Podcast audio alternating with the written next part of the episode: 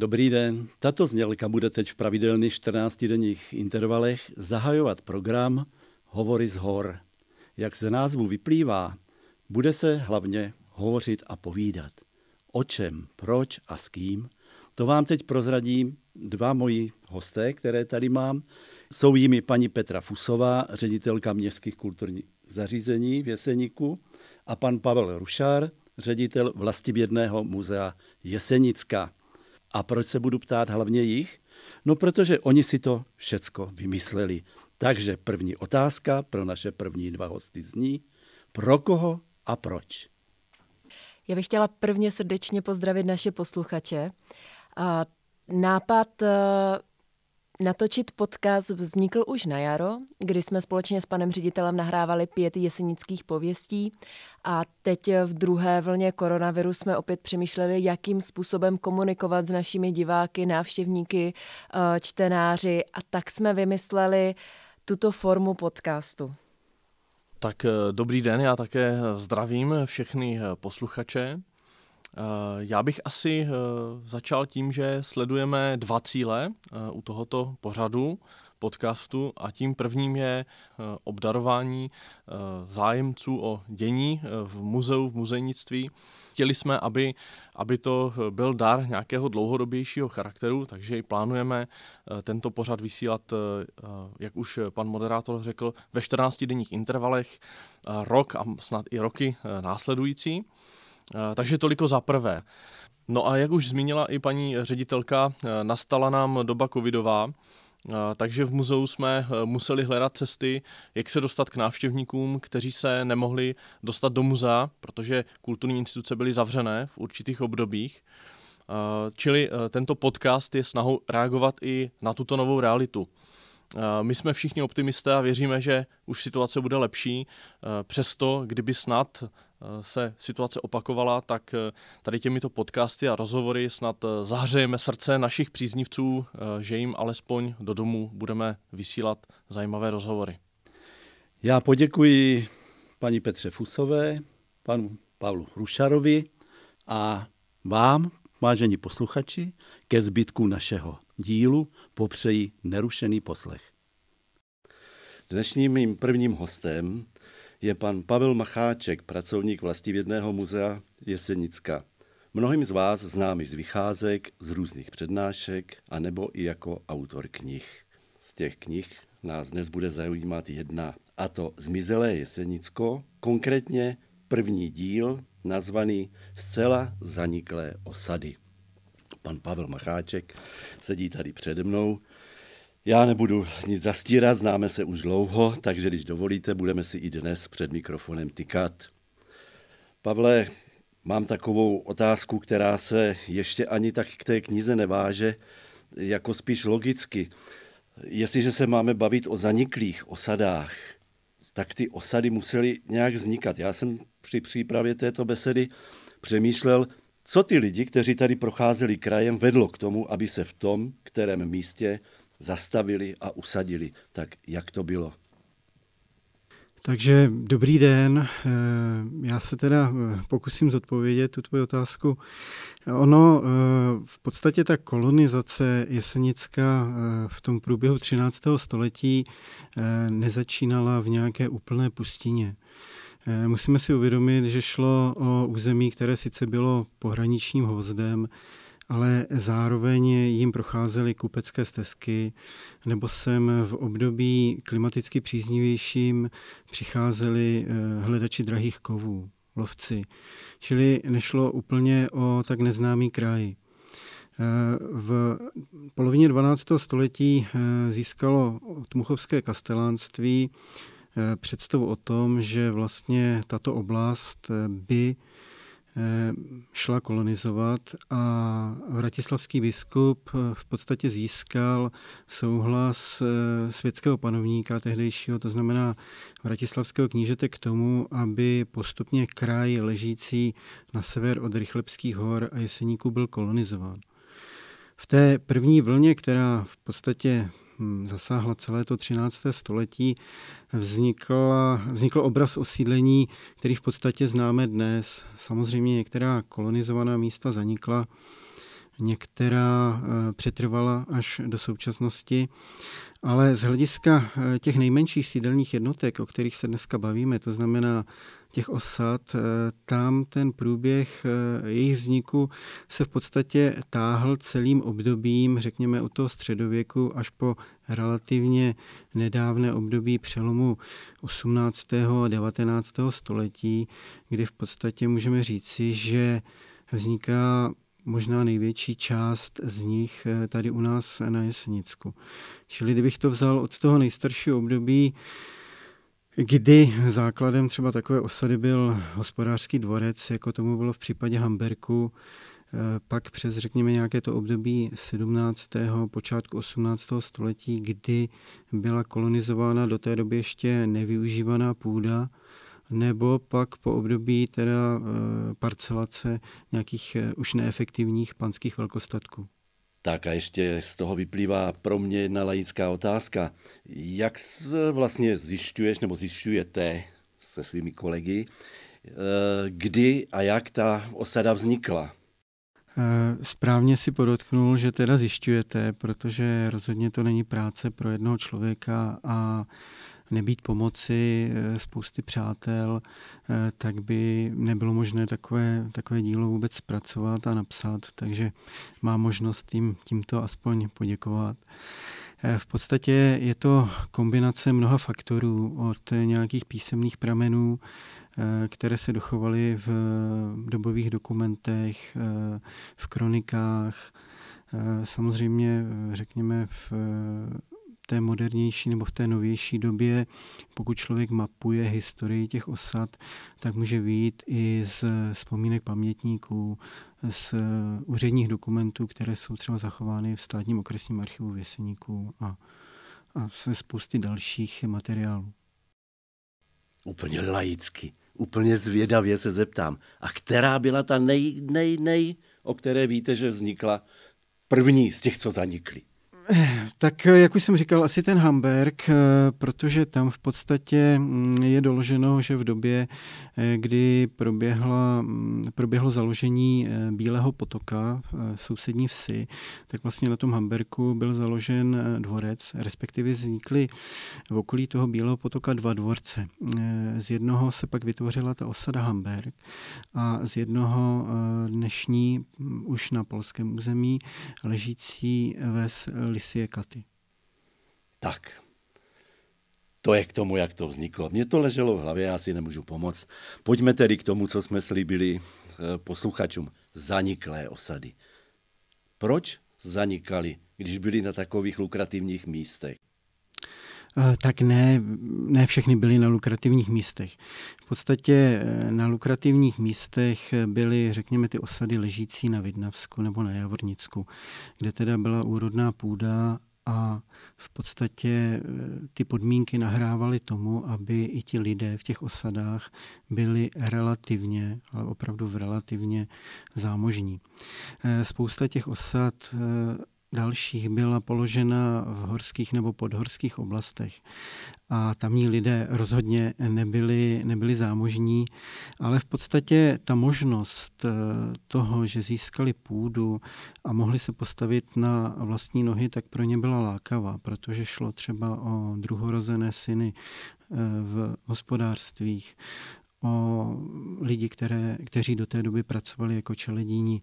Prostě byla to pro ně příležitost a té příležitosti se teda chytli za pačesy. Eh, samozřejmě neprobíhalo to nějakým způsobem živelně, ale vždycky byl lokátor, který teda eh, tu půdu rozparceloval, vybral příhodné místo, nejlépe s nějakým zdrojem, eh, dostatečným zdrojem pitné vody a v podstatě tak došlo k zakládání těch osad. Jak už jsem říkal, většina jich vzniká až v pozdějším období, řekněme od nějakého toho 17. do přelomu 18. 19 století, kdy eh, v podstatě eh, šlo o půdu, která do té doby nebyla využívána. Byly to třeba pastviny nebo část lesa. Eh, a na přelomu toho 19, 18. a 19. století to byly panské velkostatky, které byly parcelovány ten vývoj v těch osadách v podstatě hm, probíhal tak, že o nějakém progresu a populačním boomu můžeme mluvit zhruba do poloviny 19. století. Od té doby v podstatě už ty osady stagnují, alespoň z hlediska počtu obyvatel, nebo dokonce počet jejich obyvatel klesá. Ještě v nich nějaké stavení třeba přibylo, ale rodiny přestaly být méně početné a navíc tím, jak se objevovaly další možnosti eh, získání pracovních příležitostí třeba v rozvíjejícím se průmyslu, eh, tak spousta eh, členů těch rodin, které tam žili, odcházela za výhodnějšími příležitostmi a v podstatě v těch osadách ten nebo ta velikost osad uh, už se nám nezvětšuje. Eh, v období před tou druhou světovou válkou jde ale v podstatě o nějaké malé sídelní jednotky, které jsou úzce spojené s těmi mateřskými obcemi a jsou životaschopné. Takže se dá říct, že některé ty malé osady pohlodily větší a tím jakoby zanikly? Nebo staly ne, ne, se ne. součástí toho většího ne. aglomerátu? Eh, ne, ne, ne, i když samozřejmě i v takovém případě eh, k něčemu takovému došlo, byť ne eh, v případě zcela zaniklých osad, ale třeba takový dolní fořt, který leží nedaleko uhelné, tak v podstatě splynul s touto obcí ale z hlediska těch zaniklých osad se na jejich zániku podepsalo několik faktorů, které se nahromadily v letech po druhé světové válce. Tím prvním byl odsun původního německého obyvatelstva. E, v podstatě osídlení Jesenicka po druhé světové válce se nepodařilo zrealizovat v takovém počtu obyvatel, které by se rovnalo počtu odsunutých eh, původních obyvatel. A samozřejmě pokud přijde méně obyvatel do daného území, tak mají možnost si vybrat, eh, do kterého stavení se nastěhují, který grunt převezmou nebo kterou živnost. A eh, samozřejmě mm, těch lákavějších možností bylo více. Ale to nebyl jediný faktor, který by hrál tu roli. Dalším byly třeba politické důvody, které vedly k tomu, že některé osady přímo eh, ležící v blízkosti státní hranice, nyní s novým sousedem, kterým se stalo Polsko, tak cíleně nebylo povoleno jejich eh, osídlení novým etnikem, které sem přišlo po druhé světové válce. To je případ třeba Růžence, Johanky. Eh, v podstatě i hraniček. Jo? Čili to, to byly osady, které vlastně se ocitly v takovém, řekněme tom, nebezpečném uvozovkách pohraničním pásmu a ty již nebyly vůbec dosidlovány. No a pak jsme tady měli osady, které se podařilo osídlit, třeba částečně, ale vlastně ty životní podmínky tam byly natolik eh, komplikované a pro ty nově příchozí natolik drsné, že vlastně velice rychle vystřízlivěli z toho svého snu a odešli z těch oblastí. No a poslední kategorii jsou osady, které teda osídlit se podařilo, ale vlastně následné kroky, které proběhly v tom Československu, způsobily, že ti lidé z nich pak odešli. A takovým nejdůležitějším krokem, který se podepsal na zániku těch osad, byla nucená kolektivizace v 50. letech. Protože Představ si, že ty lidé přišli do nějakého místa, které v podstatě bylo odříznuté od ostatní civilizace. Eh, nejezdil tam autobus, nejezdil tam vlak, nebyla tam škola, v podstatě eh, nebyl tam ani obchod, protože eh, v těch starých německých osadách sice obchody byly, ale vlastně v rámci toho dosídlení nepřišlo nikdy tolik obyvatel, kolik tam bylo původně. A teďka to jediné, co tě drželo v tom místě, bylo to, že jsi tam měl svůj grunt, že jsi tam měl nějaké polnosti a že si se mohl nějakým způsobem realizovat. Ale v okamžiku, kdy ti lidé o to přišli, tak v podstatě Eh, ztratili nějakým způsobem svůj smysl života. A jestliže eh, ta generace těch příchozích, řekněme těch rodičů, kteří se tam dostali po té druhé světové válce, se rozhodla teda že třeba to je jen dočasné opatření, nebo že prostě jednou už, když ten krok udělali, takže u toho zůstanou a vytrvají tam, tak ty jejich děti většinou odcházely. Eh, musíme si uvědomit, že situace v zemědělství eh, v těch 50. a řekněme první polovině 60. let nebyla vůbec příznivá. Eh, jednotky, což byly podíly družstevníků na výsledku hospodaření, byly velice nízké a spousta těch hospodářů nemít záhumenky, tak v podstatě by umřela hlady. Takže v konfrontaci s tím, že vlastně byla možnost odejít někde do nějakého průmyslového závodu, který po určité době přiděloval třeba i byty, což byly příklady nově se rozvíjejících podniků na Ostravsku, tak eh, v podstatě vedla k tomu, že ti mladí lidé opouštěli i takové osady, jako byl třeba Anín, který byl zcela dosídlen a vlastně odcházeli někam jinam. A když ty jejich rodiče zestárli, tak vlastně zjistili, že už třeba jejich neduhy jim nedovolí nebo zdraví jim nedovolí, aby, aby zvládli sami péči o ty, o ty domy, o to hospodářství a odcházeli k některým svým dětem do okolí, třeba se přestěhovali a tak vlastně dochází k tomu definitivnímu zániku některých teda osad. Samozřejmě bavíme se tady o osadách zcela zaniklých. Spousta osad na Jesenicku nezanikla úplně, těm se věnuje ten druhý díl té publikace. A ty dostali, řekněme, ještě nějakou druhou šanci k tomu, aby se nám zachovali do současnosti tomu druhému dílu snad jenom takový dodatek pro naše posluchače. O něm dnes hovořit nebude, nebudeme, ale speciálně k této knize se vrátíme o nějaký čas později. Ona notabene teď vyšla na knižních pultech. Posluchači mohou podívat se do ní, přečíst a potom už budou poslouchat fundovaně a kontrolovat, jestli to v té knize je tak, jak ty jim to potom budeš vyprávět. Já, jestli dovolíš, mám takový dotaz. Tady si zmínil období konce druhé světové války a tu dobu poválečnou. A tak mě napadlo, protože po válce bylo takovéto územní vyrovnání mezinárodní s Polskem a jestli některé z těchto osad připadly i do, na tu polskou stranu hranice potom, když se vyměřovala jestli je nám něco takového známo. Eh, určitě k tomu došlo i na Jesenicku. Eh, to je, to je otázka druhé poloviny 50. let, kdy probíhala ta jednání o narovnání státních hranic s Polskem. Samozřejmě většinou šlo o narovnání, které se netýkalo obydlených ploch, ale máme tu dva příklady toho, kdy v podstatě došlo k výměně dvou osad.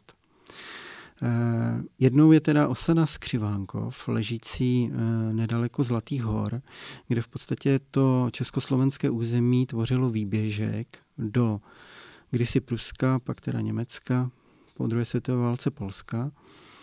A eh, tou druhou osadou, kde tomu bylo naopak a vlastně zasahovalo to původní německé území na území Československa, byl Krasov u Vidnavy. Tam dokonce ta situace byla taková, že v podstatě ta osada jakoby byla vrostlá nebo přirostlá k vlastnímu městu. A dneska v podstatě, když návštěvník přichází do té Vidnavy nebo přijíždí od Velkých Kunětic, tak vlastně ani nepozná, že šlo o nějakou kdysi samostatnou osadu, ale vlastně tvoří to součást toho města.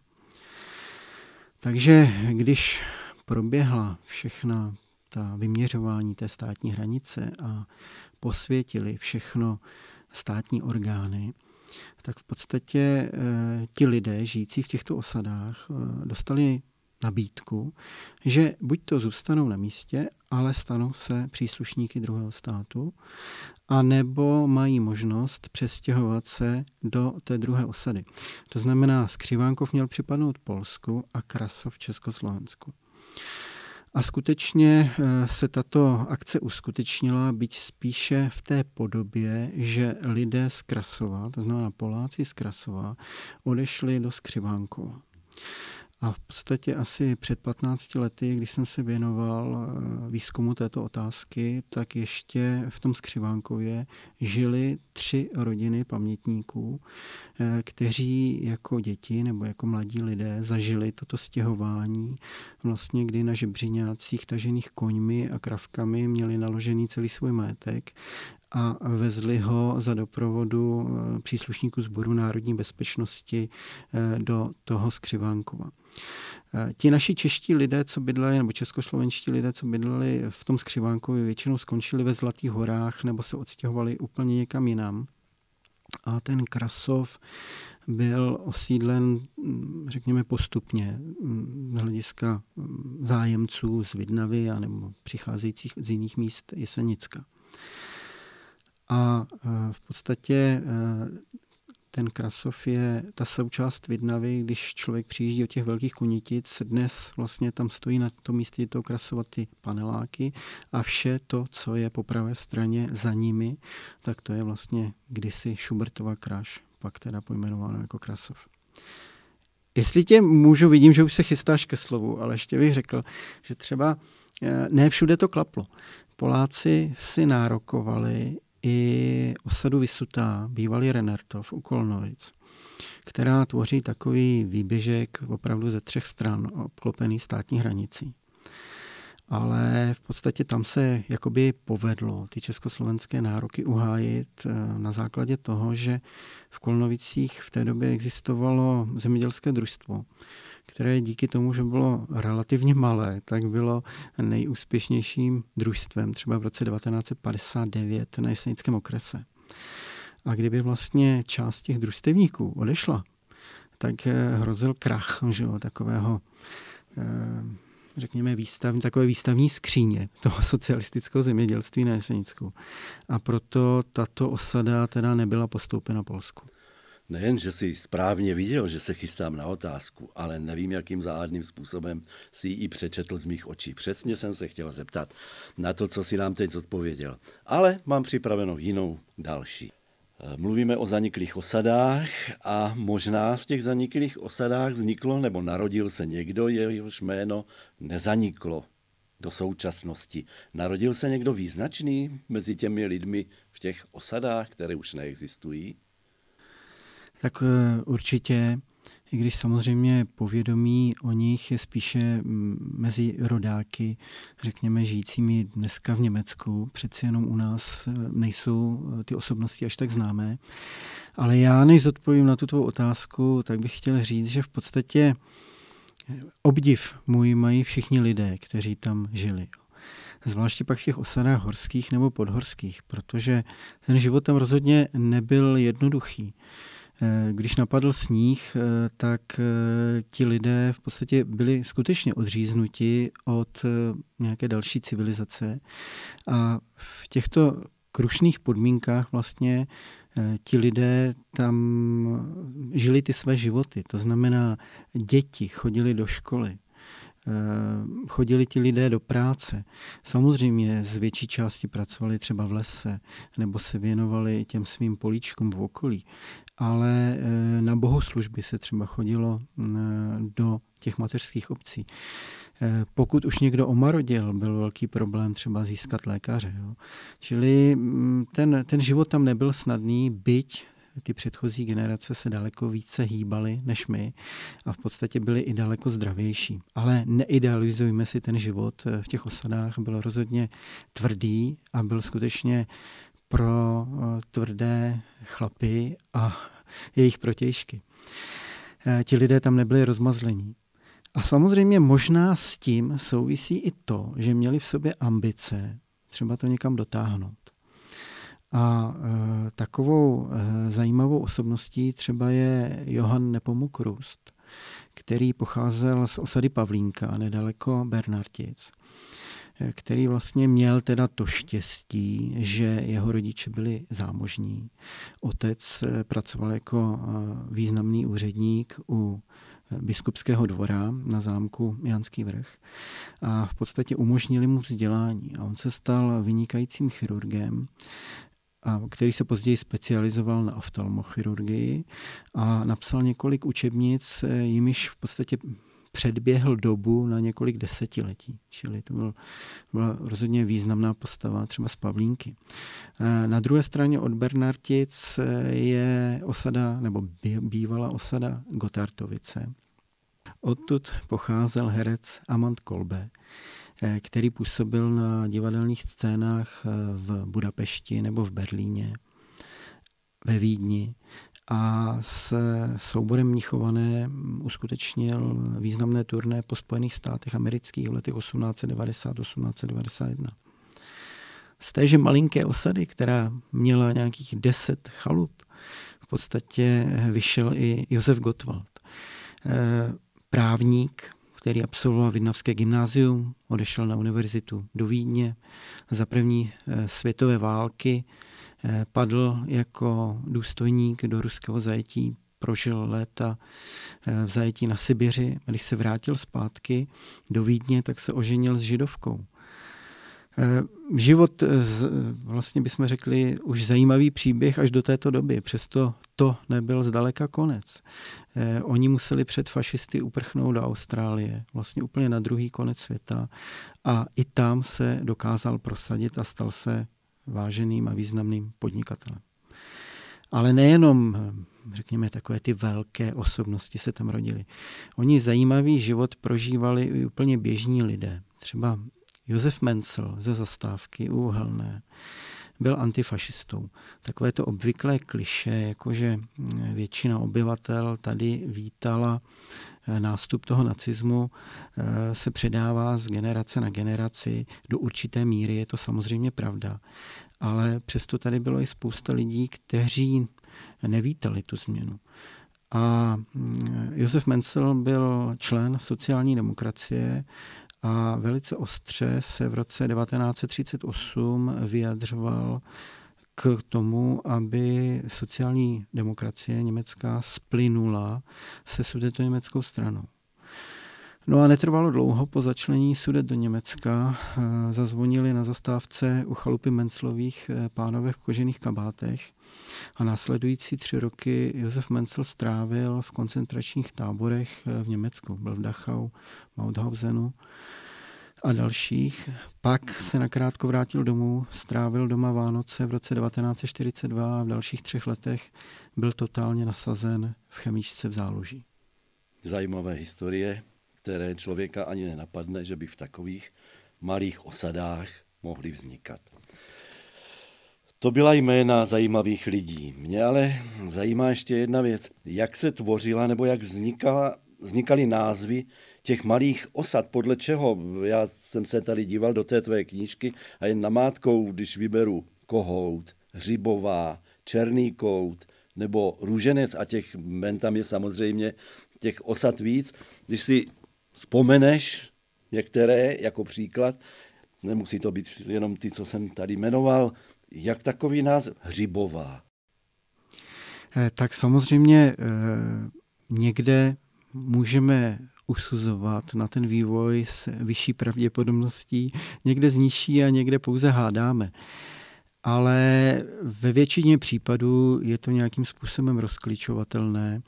Když tady mluvil o té hřibové, ona vlastně vznikla na kopci, který se jmenoval Pilsberg, hřibová hora, a e, v podstatě tam lze asi říci, že to bylo nějaké místo, které bylo teda mm, úrodné, že tam rostly houby, takže e, pře, pojmenování té osady přešlo z dané lokality na, na tu osadu. E, trošku jiná situace byla třeba u toho Hamberku, který v češtině teda dostal pojmenování Kohout. Tam je to docela kuriozní.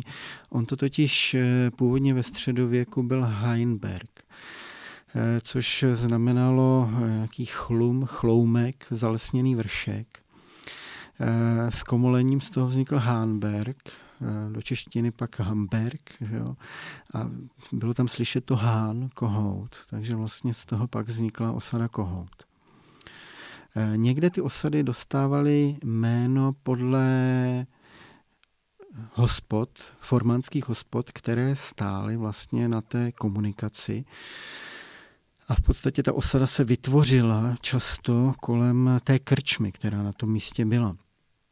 To je příklad třeba Růžence, kde původně na významné poutní stezce do Klacka stála eh, hospoda u růžového věnce, Cum Rosenkranz.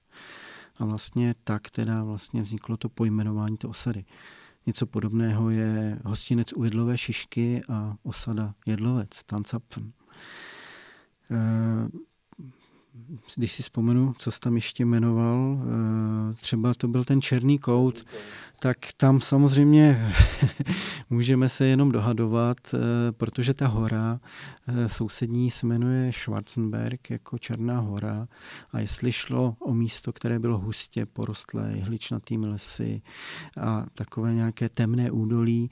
A následkem toho získala to osada, malinká osada, kde podstatě šlo také o několik málo chalup kolem eh, hostince ležícího na zřejmě obchodní stezce jdoucí do Klacka, tak to je jenom, to jsou pouze dohady. Eh, domnívám se taky, a říkám laicky, jako už několikrát při této besedě, že některé ty osady propadly chatařům nebo té, té vlně té rekreač, toho rekreačního využití a některé zanikly tedy úplně tak, jak tady píšeš v knize. Eh, je zaevidován poslední aktuální zánik nějaké osady, novodobý zánik? té vlně toho chalupaření, nebo za záchranu té vlně chalupaření vděčí osady, eh, které dodneska ještě existují, byť samozřejmě oproti té minulosti v značně omezené, omezenějším rozsahu, ale v podstatě zůstaly zachovány. Z hlediska těch zaniklých osad, tam ty chalupáři už měli smůlu, už přišli pozdě. Ale eh, v podstatě eh, roli na tom zániku hrálo i to, nebo proč ti chalupáři měli smůlu, hrálo i to, že v podstatě v poválečných letech nebo v 50. letech byl hlad po stavebním materiálu. A pokud se někdo rozhodl, že si zrekonstruuje dům, který tady získal, tak pro něj bylo velice těžké koupit cihly, koupit stavební řezivo a vlastně ty opuštěné domy v těch osadách eh, byly vítanou příležitostí k zisku takového stavebního materiálu a bylo poměrně snadné od místních národních výborů si ty bouračky koupit. Takže tam většinou, pokud ta osada nebyla osídlená, tak tam došlo k zániku. U těch osídlených osad, abych teda eh, zodpověděl tu druhou část té tvé otázky, tak třeba osídlenou osadou byl Anín, kde v podstatě byly osídleny všechny chalupy, to je osada ležící nad Kobylou, ale v podstatě ti osadníci, když došlo k té kolektivizaci, tak eh, v té mladší generaci to opustili. Někteří to opustili rovnou, když zjistili, jaké jsou ty podmínky a že by měli vstoupit do družstva, tak řekli, tak to ne, vracíme se zpátky třeba do vnitrozemí, odkud jsme přišli. Ale e, ti, co tam zůstali, tak vlastně ti jejich děti odešli a když ti řekněme, původní osídlenci zestárli, tak koncem 60. let a v průběhu, řekněme, první poloviny 70. let eh, tu osadu opustili. Eh, v podstatě eh, na ní to je krásně vidět i v tom, že zatímco spousta těch osad, eh, které byly řekněme, už v té první poválečné vlně opuštěné, vyrabované, spustošené, tak je zlikvidovala nebo zcela z povrchu zemského je smazala československá armáda na přelomu 50. a 60. let, tak v případě Anína pozůstatky těch původních gruntů byly donedávna znát. E, protože ty lidi odešli pozdě a vlastně že jo, ty chalupy nepodlehly té demolici. Bohužel teda i tam se podepsal zub času na té likvidaci té osady a jediným objektem, který tam zůstal z těch původních dnů zachován, je rekonstruovaná kaple svatého Josefa. Tak, s panem Pavlem Macháčkem, pracovníkem vlastivědného muzea Jesenicka, bychom si mohli povídat ještě dlouho a dlouho. Je to člověk nabitý vědomostmi, příjemný a usměvavý a věřím, že kdybyste tady se mnou seděli, také by se vám nechtělo domů. Bohužel nás čas vypršel a já využiju ještě ten poslední zbyteček, který nám zůstává. Zeptám se ho, kdyby si teď měl pozvat naše posluchače, k dalšímu dílu, ve kterém budeme hovořit o zmizelém Jesenicku, a to je částečně zaniklé osady, na co se mohou těšit. Jenom několika větami, aby jsme jim zase neprozradili všechno. Tak těšit se mohou určitě na spoustu dalších krásných míst, které se tady na Jesenicku nacházejí eh, a mohou jim sloužit jako inspirace k výletům, protože Zatímco eh, návštěva, řekněme, těch zcela zaniklých osad je docela takovým smutným výletem, protože člověk, zvlášť při konfrontaci s původními fotografiemi, shledává, že v podstatě mm, tam zanikl život a nedokázali jsme s daným místem eh, naložit, tak v případě těch eh, téměř zaniklých osad se podařil svým způsobem zázrak. Přiznejme si, že řekněme na přelomu 80. 90. let se zdálo, že řada těch osad skutečně zmizí z povrchu. Ale v podstatě nejen to chalupaření, ale i takový ten nový životní styl, který se stále ve větší míře začíná projevovat. To znamená únik od toho, od té každodenní eh, od toho hektického stylu života, od těch každodenních starostí, vede spoustu mladých lidí k tomu, že odcházejí, řekněme, do, té, do toho lůna té přírody a právě v těch osadách objevují něco, co je láká. Takže... Slyšíte to sami. Pan Macháček je k nezastavení, je studnice vědomostí a já už se na ten další díl opravdu těším. Jemu poděkuji za vědomosti, které vám tady sdělil vám za trpělivost a od mikrofonu se dnes s vámi loučí Josef Halamíček. Příjemný zbytek dne. Děkuji za pozvání a také přeju příjemný den.